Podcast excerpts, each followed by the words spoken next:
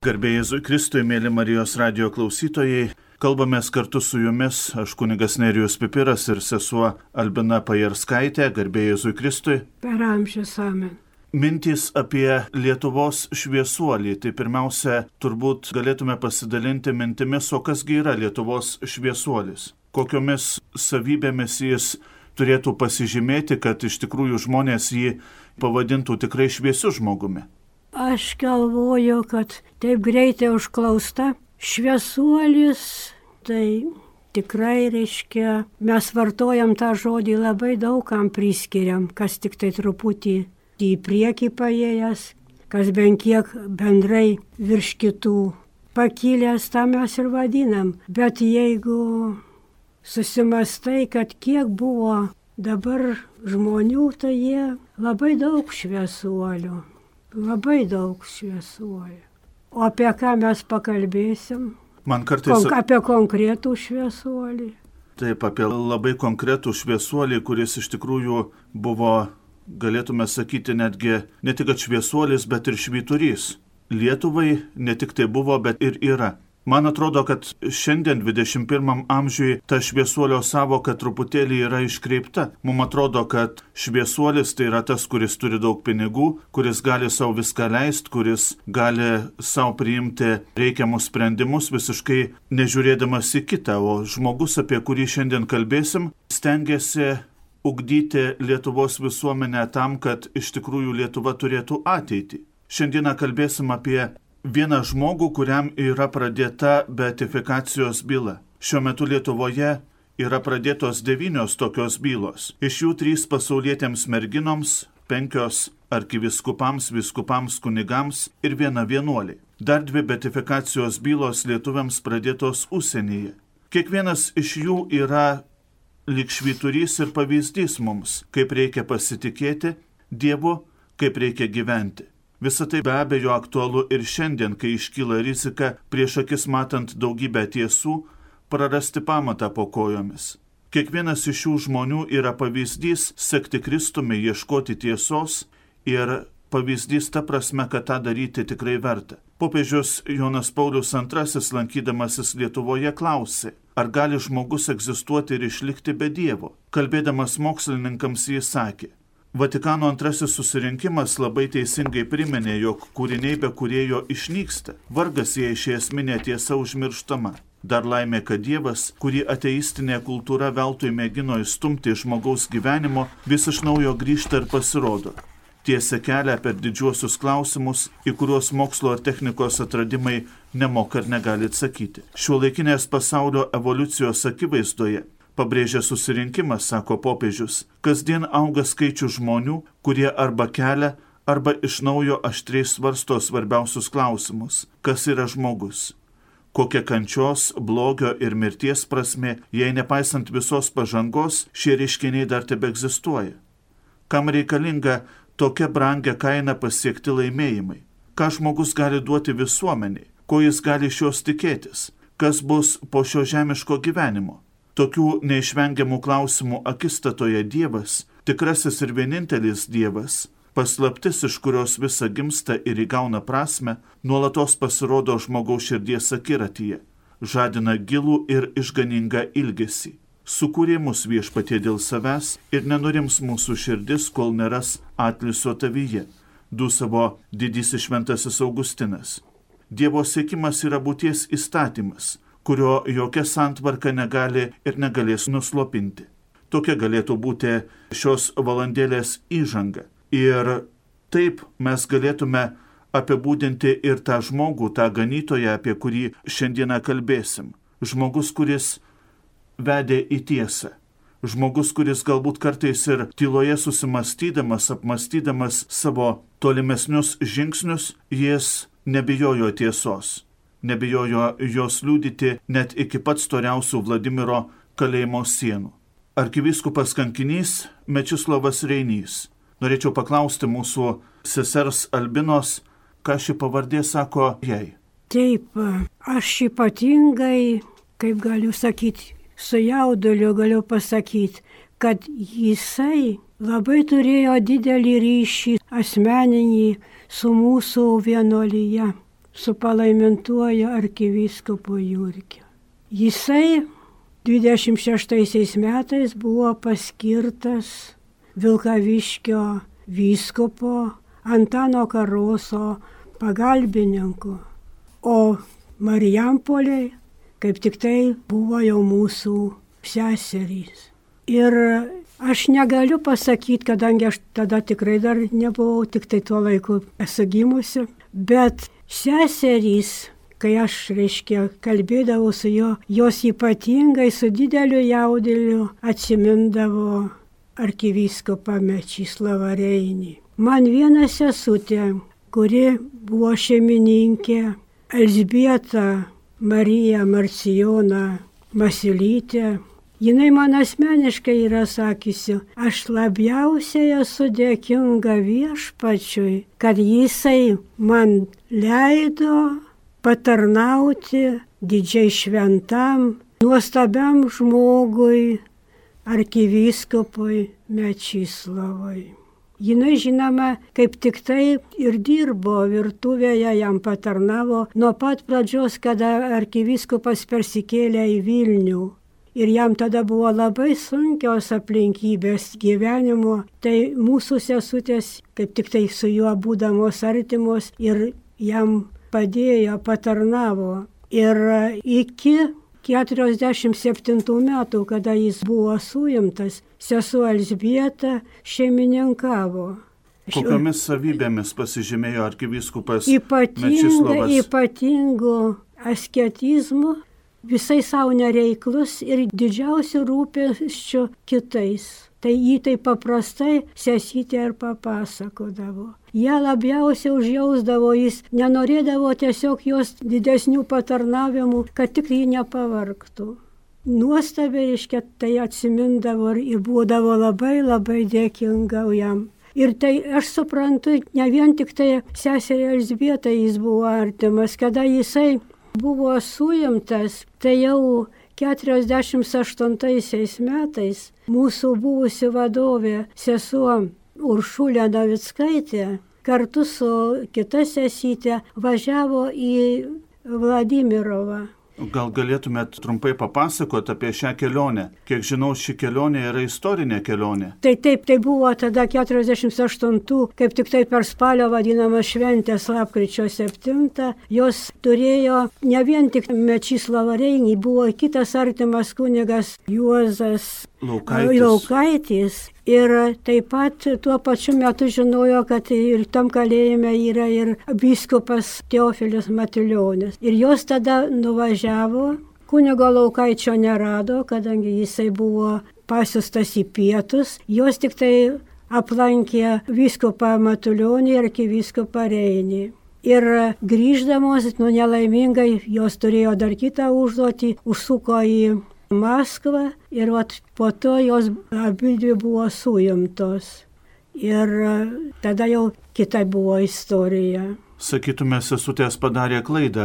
Jos turėjo įpareigojimą ir atliko ir už tą užpareigojimą paskiau, reiškia, turėjo atsakyti. Čia jau, žinom, turėtų jau būti atskira tema ir jau čia yra labai plati ir sudėtinga. Kiek girdėjau, jos važiavo veždamos kunigo Prano Račiūno surinktą informaciją apie Lietuvos vyskupus. Tai taip. Ir faktinai dar buvo dėl um, slypio kardinolo.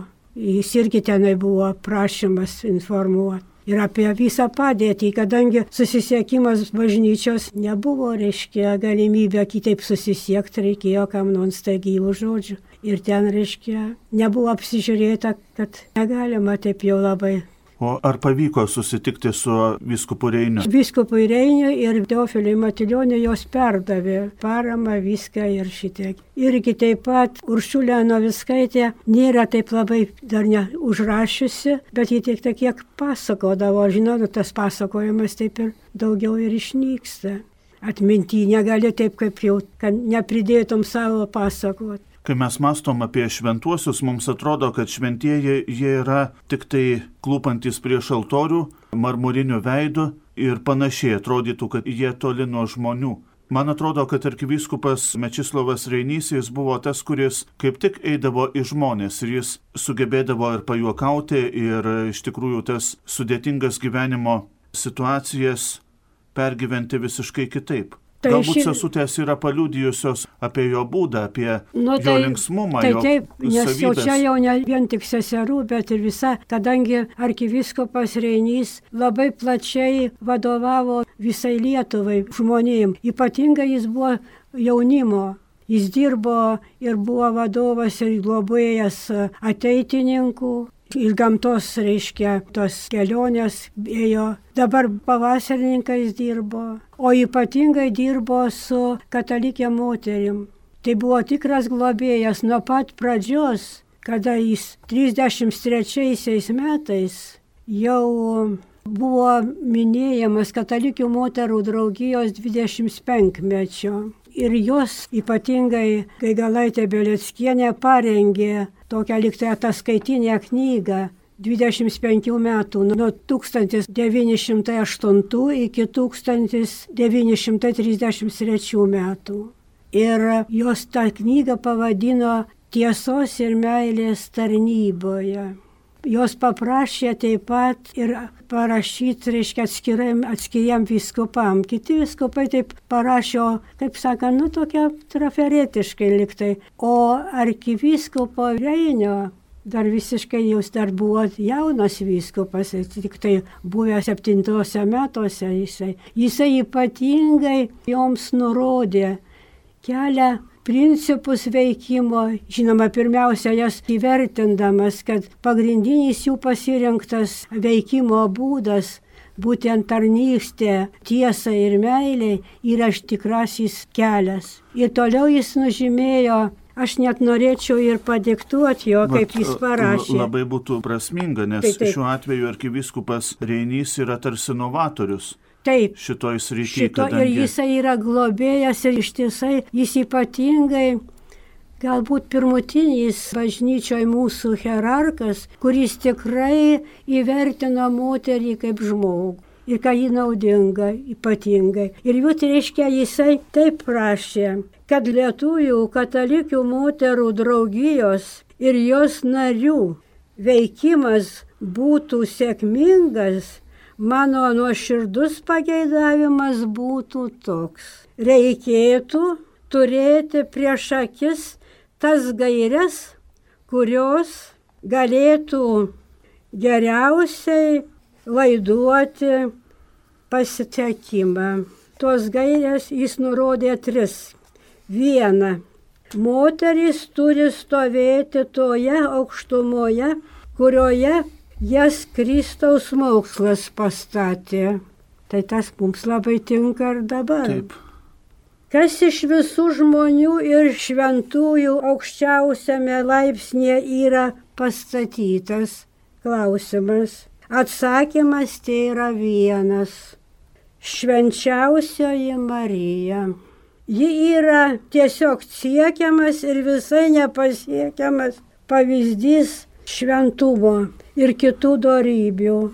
Moteriai nevalia pasidaryti išdykelių žaislu ir dar kam piktesniam. Tai pirma. Antra, amžinai reikalinga ir svarbu, kad moterų sielos visas dvasios grožis spindėtų ir saugok Dievę, niekuomet nebūtų aptemdytas susirūpinimu tik žemiškais dalykais, tik kūno grožiu. Kai dvasios nematyti, tada dingęs visas vertingumas. Ir trečia, moteris turi būti šeimoje padarumo, šventumo, tikrasiai angelas sargas. Iki šiol žmonės per mažai įvertina tą begalinę svarbą, kuri turi žmonių gyvenime šeima. Ir todėl per mažai įvertina joje moters darbą. Bet ši klaida turėtų pranykti ir moteries darbas šeimoje su laiku bus tinkamai įvertintas. Daug praėjo laiko, bet dabar atrodo keliamas šitas klausimas. Taip. Ir iš viso moters supratimas kaip tarnavimas, moters reiškia idealas statomas tikrai Marijos. Tikrai arkiviskupas Mečislavas Reinys pranašiškai kalbėjo. Labai svarbiai, kurio jo šitie linkėjimai, jo, jo pageidavimai dabar labai aktualūs nudieniai Taip, mūsų veiklai.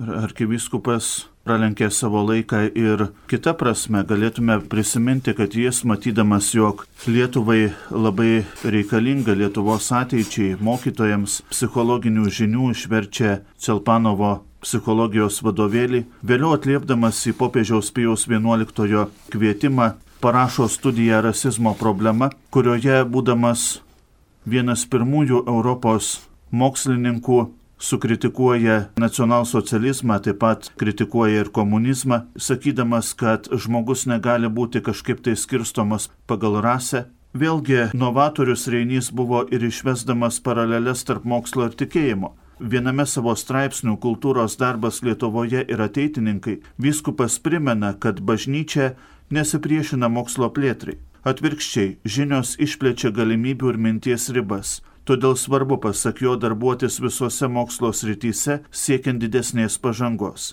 Pranašiškai viskupas kalba ir apie tai, jog didžiausias problema šioje srityje sukelia ne mokslas kaip toks, tačiau subjektyvios pažiūros ir tendencijos, kurios nieko bendro neturi nei su mokslu, nei su pažanga. Tiesa tapusią relatyvę netenka savo vardo. Tuo tarpu visapusiškai atskleista tiesa parodo žmogaus kilnumą.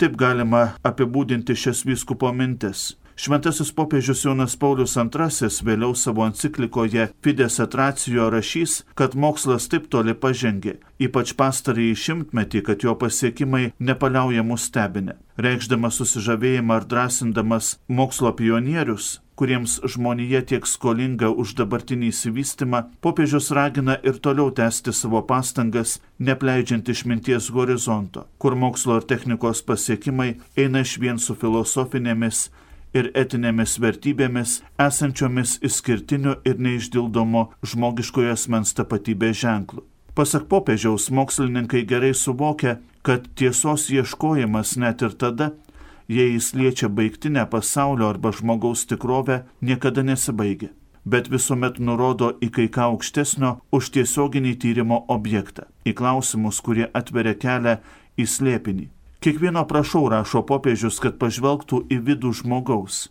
kurį Kristus išgelbėjo savo meilės slėpiniu, kad įsigilintų į jo nesiliaujančias tiesos ir prasmės paieškas. Įvairios filosofinės sistemos įteigė žmogui mintį, kad jis yra absoliutus savo šeimininkas, gebantis savarankiškai nulemti savo likimą ir ateitį, pasikliaujantis tik savimi ir savo jėgomis. Tačiau tai jokių būdų nėra žmogaus kilnumas. Jie savo pilnatvę pasieks tik tada, jeigu nuspręs įaukti į tiesą, įsikurti išminties prieglopstyje ir čia apsigyventi. Tik tiesos horizonte jis iki galo suvoks savosios laisvės prasme ir pašaukimą pažinti ir mylėti Dievą, kaip tobuliausią savojo aš įsipildymą. Tokios šventojo popiežiaus Jono Pauliaus antrojo mintys yra užrašytos enciklikoje Fides Etracijo ir jos labai gražiai atspindi ir arkivyskupo Mečislovo Reinio mintį, kad tik tai dora prasiskverbusi į visas gyvenimo sritis gali tapti tautos ateities pagrindu. Dėkojame seseriai Albinai už mintis, į Marijos radijo eterį sugrįšime po trumpos muzikinės pertraukėlės. Gyvenimą.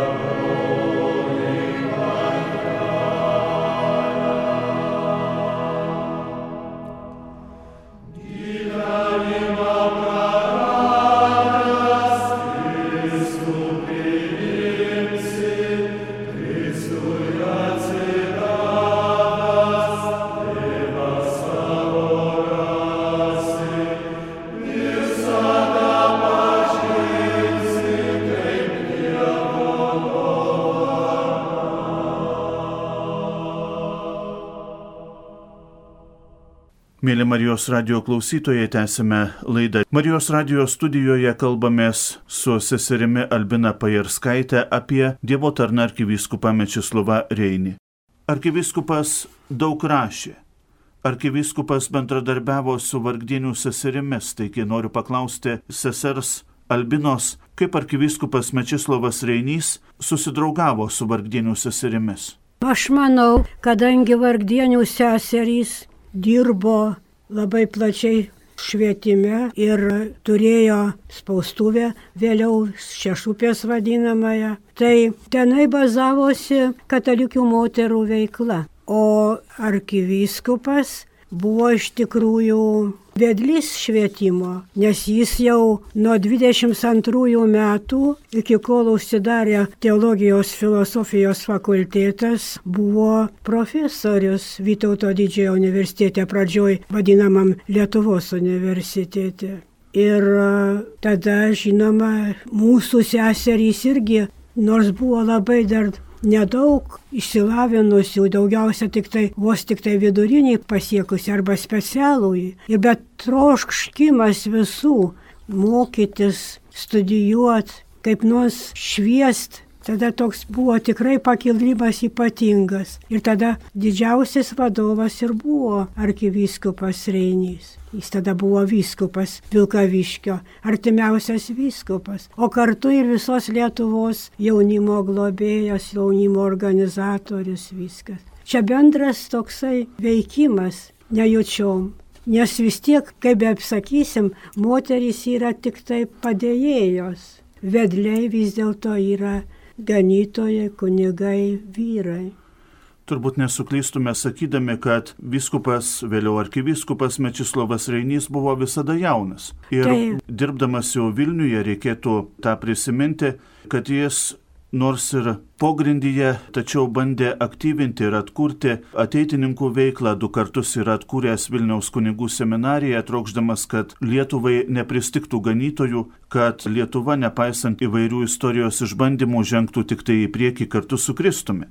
Tai taip ir atsiprašau, ypatingai, iškia aš noriu įsiterpti, čia jisai labai giliai bendradarbiavo labai su kunigu Alfonso Lipniūnu. Gal galėtumėt tą faktą truputėlį priminti? Aš noriu pasakyti, kad 39 metais, kaip Lietuva atgavo Vilnių, tai moterų socialiniai kursai persikėlė į Vilnių ir jau tapo moterų socialinė mokykla. Ir čia nai kaip tik tai persikėlė ir mūsų seserys, nes kartu atvykęs Marčislavas Reinys buvo toksai, nu, dvasios judintojas. Jisai čia to jau ir lietuvišką vakarinę mokyklą buvo atidaryta vakarinė, kad tik tai kuo daugiau lietuvių. Toliau buvo tie socialiniai kursai vadinamieji, socialinė mokykla ir mūsų seserys jau pradėjo dirbti šioje mokykloje kaip dėstytojos. Tai sesuo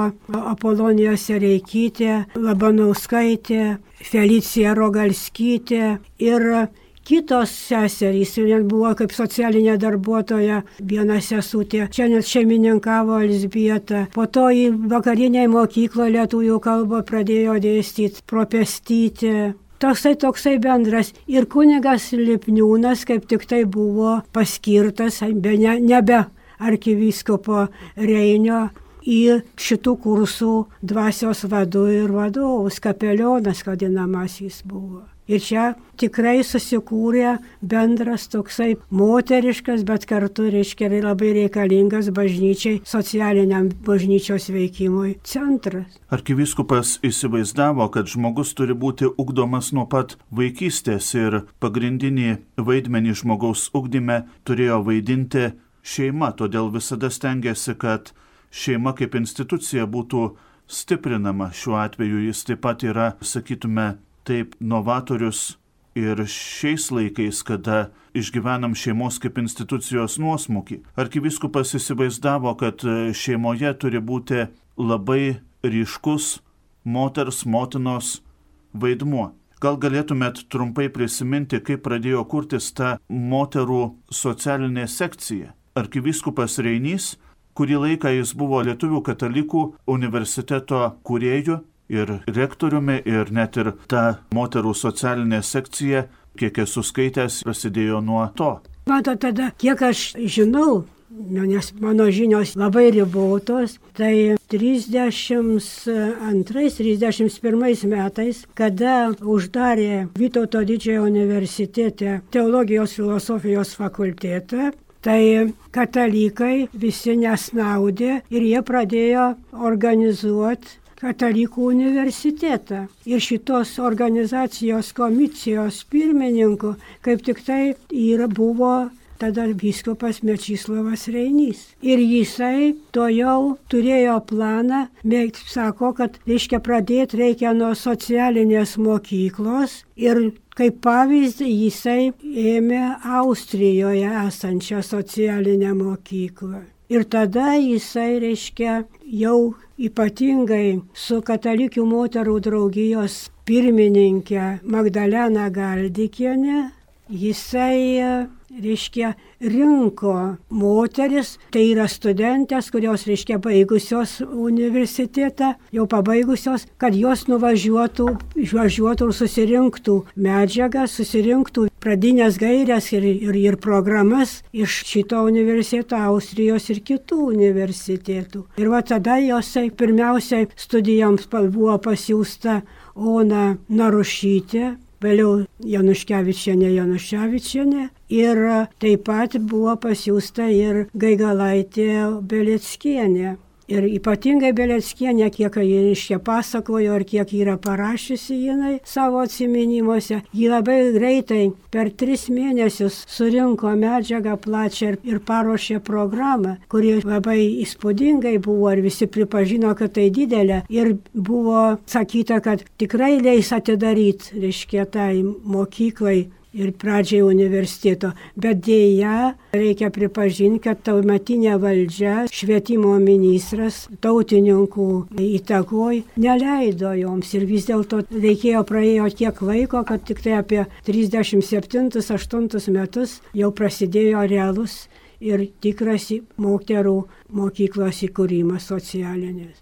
Ir jau Vilniuje jau veikė pirmą laidą 40 metais buvo išleista jau pirmą, o paskiau to jau užėjo, reiškia, sovietai ir buvo viskas uždaryta. Mums gali susidaryti toks įspūdis, kad vienas iš labiausiai įsimokslinusių tarpukario žmonių, arkiviskupas Mečislovas Reinys, mokėjęs devynias kalbas, buvo lik užsidaręs tarp knygų buvo lik teoretikas. Tačiau taip negalima teikti, žinant, kad arkivyskupas išgyveno ir labai sunkių savo gyvenimo momentų. Dėrėtų prisiminti, kad dar būdamas kunigu 1919 metais jis buvo suimtas, vėliau antrą kartą suimtas 1947 metais, 1940 metai, kada jis pradėjo eiti Vilniaus ganytojo pareigas, buvo pats sunkiausias jo gyvenimo etapas, tačiau net ir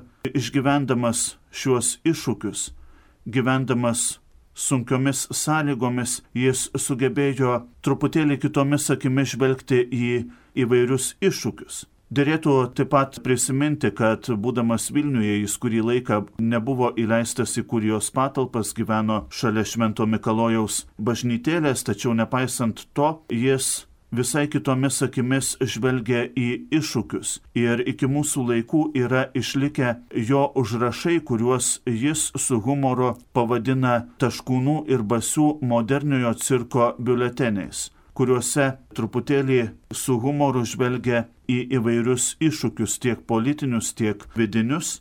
Taip pat turbūt iškalbingas faktas yra tas, kad arkivyskupas Reinys jis mokėjo žaisti ir pokerį. Ir ko gero tą darė tikrai ne vieną kartą gyvenime. Mėgo bendrauti su kunigais, pažinojo ypatingai Vilkaviškio viskupijos jaunesnius kunigus, Jaunesnėji kunigai galėjo kreiptis į jį pagalbos ir patarimo, savo studentams jis drąsiai skolindavo įvairią literatūrą. Iškalbingas faktas yra tas, kad arkivyskupas labai daug yra savo asmeninių lėšų skyręs labdarai ir paramai.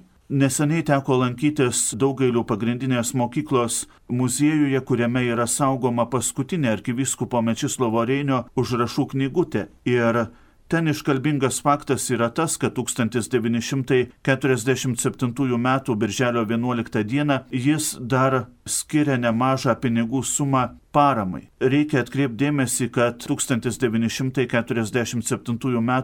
birželio 12 d. tai yra rytojaus diena, arkivyskupas jau suimamas. Iš vakaro jis dar sugeba daryti artimo meilės darbus paremti, padėti, pagelbėti. Aš prie šito jūsų viso tikrai informacijos labai gausios ir, ir labai malonios. Aš noriu pridėti tik tai tas, kad faktinai arkivyskupas su savo nuoširdumu, su savo veikla, su tikru vado, kaip sakant, talentu, ne tik talentu, bet ypatingai jau malonę, jisai tiek traukė, kad ir iš tikrųjų, kas su juo susitiko, aš ypatingai kiek žinau iš Narušytės papasakojimų ir seserų, kad liko visą laiką, bent kokiuose momentuose, jau jos iš tikrųjų kreipėsi arkivyskopą.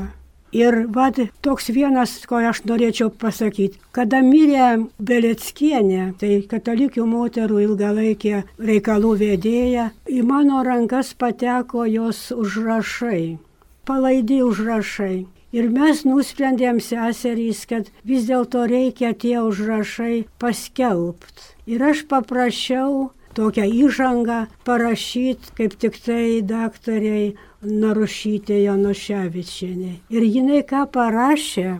Ji parašė taip, pradėjo, paskaitysiu. Ir vėl aš čia Vilniaus arkikatedros tremtinių koplyčioje.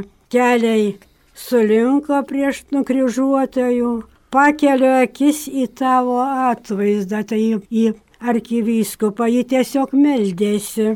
Ar verkiu? Oi ne, tik širdis neranda vietos, jis skundžiasi prieš arkivyskupą. Ar kad mirė žemėje žmogus, klausė. Reiškia, jis te jinai tiesiog kalbasi su juo. Tai labai artimas žmogui pokalbis. Tarytum atpažįstama šipsena pražįsta. Ji tokią viziją mato. Tu pats matei, jautei, žinojai, koks mūsų tautos gyvenimas. Mūsų tauta toji rytą pradedanti, o dieną baigianti šventuoju kryžiaus ženklu. Tauta, kurios darbai verti buvo žegnonės, o ir jos vaikus kryželys išlydėdavo į žmonės. Drauge su mumis su visa mūsų tauta gyvenai mūsų vargais, sielojaisi nesėkmėmis, degiai pasiryžimu padėti žmonėms, išbristi iš amžiaus sekinusių vargų, iškopti į žmogaus vertą gyvenimą. Pjūtis buvo didelė, bet darbininkų lyg ir netrūko, reiškia tavo padėjėjų. Įėjai tėvę priekyje su kitais, vis atsigręždamas, paskatindamas, paremdamas, suklūpusiam padėdamas atsistoti. Tai buvo tame ir Ona Beleckienė jį taip meldėsi. Tai ką galim pasakyti, kad jau ir varguose priespaudoj jau buvo moterų, katalikių moterų, ištvermingai vykdančių savo pareigas malda. Malda jau ne kaip į paprastą žmogų, bet jau malda kaip į šventąjį, kuris gali užtart. Ir va tas ilgas jo nepripažinimas, nu nežinau, jau jis tikrai šaukėsi, kad jis būtų paskelbtas kartu su kitais Lietuvo šventaisiais kankiniais. Juk tai daug kankinių, tai ne, kaip jūs minėjot, ne devynė šventieji, bet kaip sakė net Vokietijos reiškia viena, kad tai yra tauta, kuri turi ypatingai daug šventųjų ir kankinių.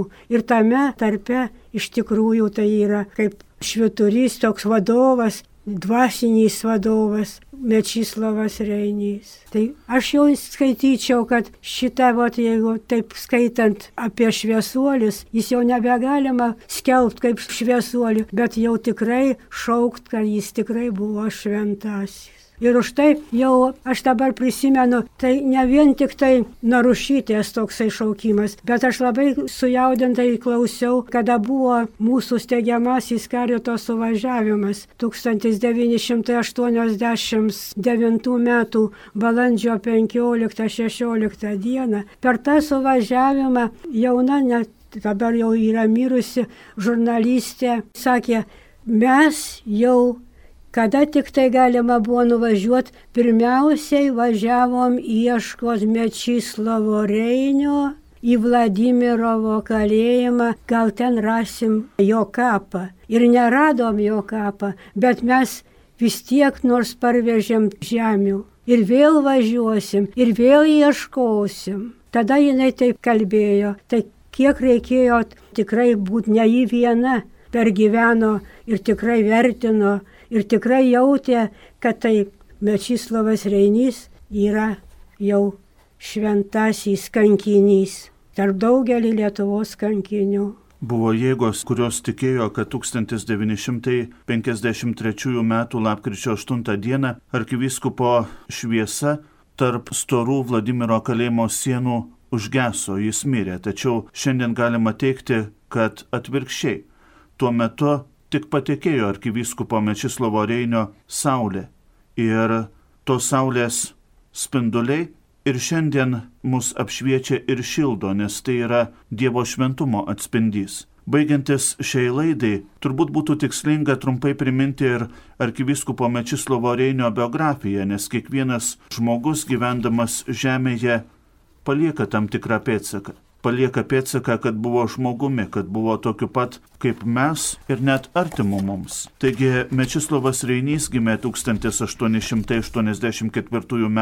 vasario 5 d. Utenos rajone, Daugailių parapijos Madagaskaro kaime ūkininko šeimoje. Mečislovas nuo mažens pasižymėjo pamaldumu. Kartu su mama šventadieniais mėgdavo eiti į gimtosios Daugailių parapijos bažnyčią dažnai susikviesdavo kur nors į kluoną vienmečius vaikus ir sakydavo jiems pamokslus. Nuo pat mažens Mečislovas buvo imlus mokslui. Jį jauniausiai vaiką šeima leido į mokslus. Mečislovas baigė ne tik daugailių pradžios, mūrinės ašmenos mokyklas, bet ir Rygos gimnaziją. Baigęs ją 1901 metais įstojo į Vilniaus kunigų seminariją. 1905 metais buvo įsiustas mokytis į Peterburgo dvasinę akademiją. 1907 m. birželio 10 d. išventintas kunigu. Pirmasis šventasis mišes aukojo daugailių parapijos bažnyčioje. Mečislovo vaikystės draugas kunigas Juozapas Čepėnas pamokslo metu sakė, kad primicianto laukia katedra, profesūra, kad jis renks viešpaties vynogino darbininkus ir sielų ganytojus. Baigęs mokslus Peterburgė 1909 metais, Mečislovas Reinys išvyksta studijuoti į Belgijos filosofijos institutą prie Liuveno universiteto. 1913-1914 metais Strasbūro universiteto teologijos fakultete pas profesorių Albertą Langą gilina žinias apologetikos rytyje. 1914 metais baigęs studijas, Mečislovas Reinys grįžta į Lietuvą, skiriamas Vilniaus Šventųjų Jonų bažnyčios kamendoriumi. Dėl tautinių pažiūrų kunigui Čibirui negalint eiti Vilniaus kunigų seminarijos profesoriaus pareigų, nuo 1916 m. rudens Mečislovas Reinys dėsto seminarijoje filosofiją. Būdamas Vilniuje, kunigas Reinys aktyviai dalyvauja Lietuvos tautinio atgimimo sąjūdyje. 1919 m. vasario 22 d. raudonarmiečių suimamas ir kalinamas. Kalėjime praleidžia apie pusę metų. 1922 metais skiriamas profesoriauti į kūriamą universitetą Kaune. Čia taip pat aktyviai dalyvauja visuomeninėje veikloje. Krikščionims demokratams laimėjus Seimo rinkimus nuo 1925 m. rugsėjo iki 1926 m. balandžio Mečislovas Reinys dirba Lietuvos Respublikos užsienio reikalų ministru. Jis pradėjo tvarkyti ten painius Lietuvos ir apaštalų sosto santykius. Arkiviskupui palaimintajam Jurgiui Matulaičiui patarus dirbo trimis kryptimis rūpinosi Lietuvos bažnytinės provincijos sudarimu, abipusės atstovybės buvimu, konkordato tarp Vatikano ir Lietuvos Respublikos sudarimu, taip pat nemažai nuveikė gerinant Lietuvos Respublikos ir Tarybų sąjungos tarpusavio santykius. Matydamas kunigo atsidavimą tikėjimo tiesoms ir nuopelnus bažnyčiai bei tėviniai, 1926 m. balandžio 5 d. popiežius Pijus XI skiria Mečislovą Reinį tituliniu Tidį vyskupu ir Vilkaviškio vyskupo Antano Karoso padėjėjų kodjutoriumi. 1926 m. Gegužės 16 d. Kauno arkikatedroje bazilikoje Mečislovas Reinys konsekruojamas vyskupu. Iškilmėms vadovavo apaštalinis vizitatorius Lietuvai arkivyskupas Jurgis Matulaitis, dalyvavo Telšių ir Kaišėdorių viskupai Justinas Taugaitis ir Juozapas Kukta. Tų pačių metų Liepos mėnesį viskupas Reinys iškilmingai įžengė į Vilkaviškio katedrą. Vilkaviškio viskupijoje jis dirbo iki 1940 metų, kuomet mirus Vilniaus arkivyskupo Romualdo Jelbžikovskio padėjėjui vyskupui Kazimierui Mikalojui Mikalkevičiui, Lietuvos užsienio reikalų ministras Juozas Urpšys paprašė Vatikano valstybės sekretoriaus Vilniaus vyskupų skirti Lietuvį. Atsižvelgdamas į tai, 1940 m. Liepos 18 dieną apaštalų sostas vyskupą Mečislovą Reinį paskyrė titulinio Cipselos arkivyskupo ir Vilniaus arkivyskupo padėjėjų. Ganytojiškas darbas Vilniaus arkivyskupijoje sunkiausias ir kartu daugiausiai jėgų bei herojiško atsidavimo skelbiamoms tikėjimo tiesoms pareikalavęs laikotarpis. Nuo 1945 Liepos 9 iki 1947 birželio 12 dienos arkivyskupas Mečislovas Reinys buvo pilnateisis Vilniaus arkiviskupijos valdytojas. 1947 m. birželio 12 d. suimtas ypatingojo pasitarimo prie SSRS MGB užtalkinimą tėvinės išdavikams dalyvavimą antitarybinėje nacionalistinėje organizacijoje ir antitarybinę agitaciją nuteistas aštuoneriems metams. 1953 m. lapkričio 8 d. iškeliavo į amžinybę, buvo palaidotas bendrame Vladimiro prie Klesmos miesto kalinių kape. Atrodo tokia trumpa arkivyskupo Mečislovo Reinio biografija.